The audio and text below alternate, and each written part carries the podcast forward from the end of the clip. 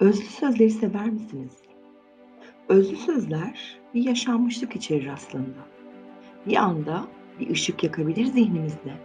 Peki ya sonra? Harekete geçiyor musun?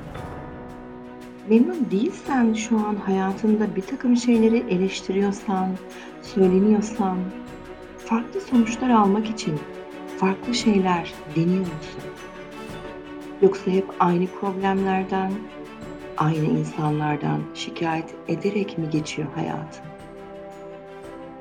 Özlü söz okumaktan kendi sözlerini yazmaya geçtiğin gün aslında kendi hikayeni yazmaya başladığın gündür.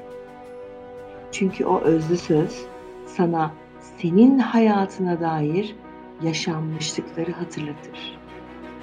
Senin hayatına dair, sana dair yaşanmışlıkları içerir.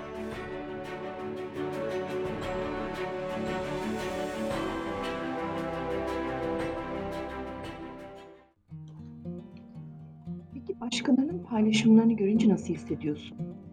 Başkalarının sözlerini, başkalarının hikayelerini, başkalarının hayatlarını, başkalarının fotoğraflarını.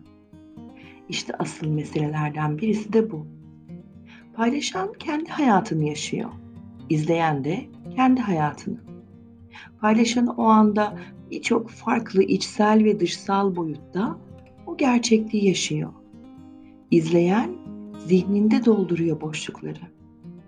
Doldururken de kendi dolgu malzemesinden elbette ki ekliyor. Bu malzemede paylaşımı nasıl algıladığını yönetiyor, nasıl algıladığını etkiliyor. Dolgu malzemen nasıl? Yapıcı mı, yıkıcı mı, karamsar mı, iyimser mi, pozitif mi, negatif mi, heyecanlı mı? Ne gördüğümüz değil de ne algıladığımız bizim gerçekliğimizdir.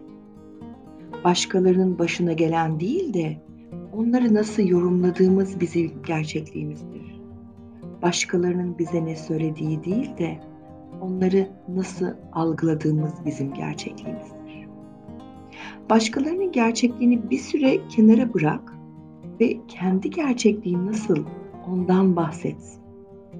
Çünkü iyi hissetmenin, mutluluğun, değişimin yanıtı ne başka birinde ne de başka bir paylaşımda. Sadece sende. Peki neden mutluyum? Bu sorunun cevabını hala bekleyenler var mı? O neden mutlu? Fotoğraf paylaşan neden mutlu? Ben nelerden mutlu olurum? Asıl soru şu.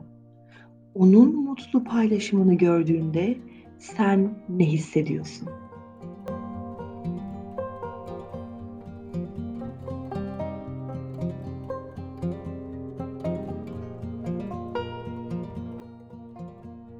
Evet, başkalarının paylaşımlarında bizi neyin mutlu ettiği, neyin iyi geldiği ya da bizi neyin rahatsız ettiği önemli bir nokta.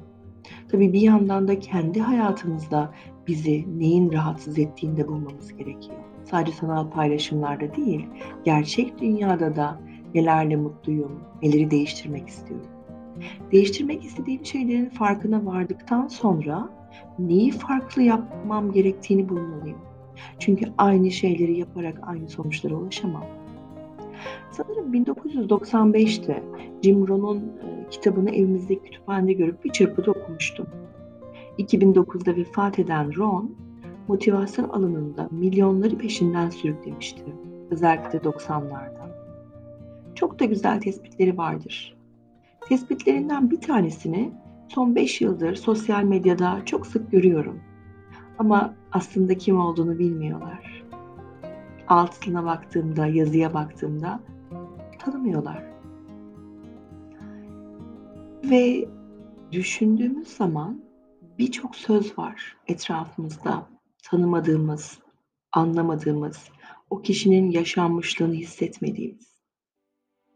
Jim Rohn'un bir sözü, işte o en çok dolaşan sözlerinden bir tanesi şu.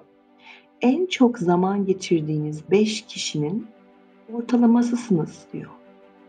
En çok zaman geçirdiğiniz beş kişinin ortalamasısınız.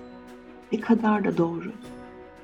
Birçok kişi gelişmek, değişmek istiyor Ancak değişim çevremizi de değiştirir. Bu riski de almaya korkuyorlar. Kaçınılmazdır. Bazen çevrenizde sizinle birlikte değişir, birlikte devam edersiniz yola. Bazen de siz değişirsiniz ve o çevreden mesafelenirsiniz. Örneğin yürüyüşe başladığınızı düşünün. Size eşlik eden 5 kilometre yürüyen kişiler sizi iyi hissettirecektir. Zamanla siz hızlanıyorsunuz, 10 kilometre yürümeye hatta koşmaya başlıyorsunuz. Bu grupla kalmayı tercih edip her gün 5 kilometre yürümeye devam edebilirsiniz. Yeni bir grupla 10 kilometrede yürüyebilirsiniz. Bu eski grubu unutmak anlamına gelmiyor elbette. Onlarla da görüşürsün elbette. Ancak hedeflerine engel olmalarına izin vermezsin. Onları kırmamak için her gün 10 kilometre koşabilme kapasiteni görmezden gelmezsin. Çevrenizdeki 5 kişinin ortalamasısınız. Değişimle ilgili başka birçok söz vardır aslında. Ron'un sözleri de vardır. Gidişatı beğenmiyorsanız değiştirin, ağaç değilsiniz. Eğer bir şeyi gerçekten yapmak istiyorsanız bir yolunu bulursunuz. Yoksa bir bahane bulursunuz. Şimdi en çok zaman geçirdiğiniz 5 kişiyi düşünün. Kendinle ilgili yeni bir dönüşüm, değişim peşindeysen yakınındaki 5 kişiyi düşün. Ve istiyorsan değiş, başka yöne git. Ağaç değilsin. Beğenmiyorsan gidişatı değiştirebilirsin. Ve eğer gerçekten yapmak istiyorsan mutlaka bir yolunu bulursun. Bahane bulmak yerine yolunu bulmanızı ümit ediyorum. Sevgiyle kalın, keyifli kalın.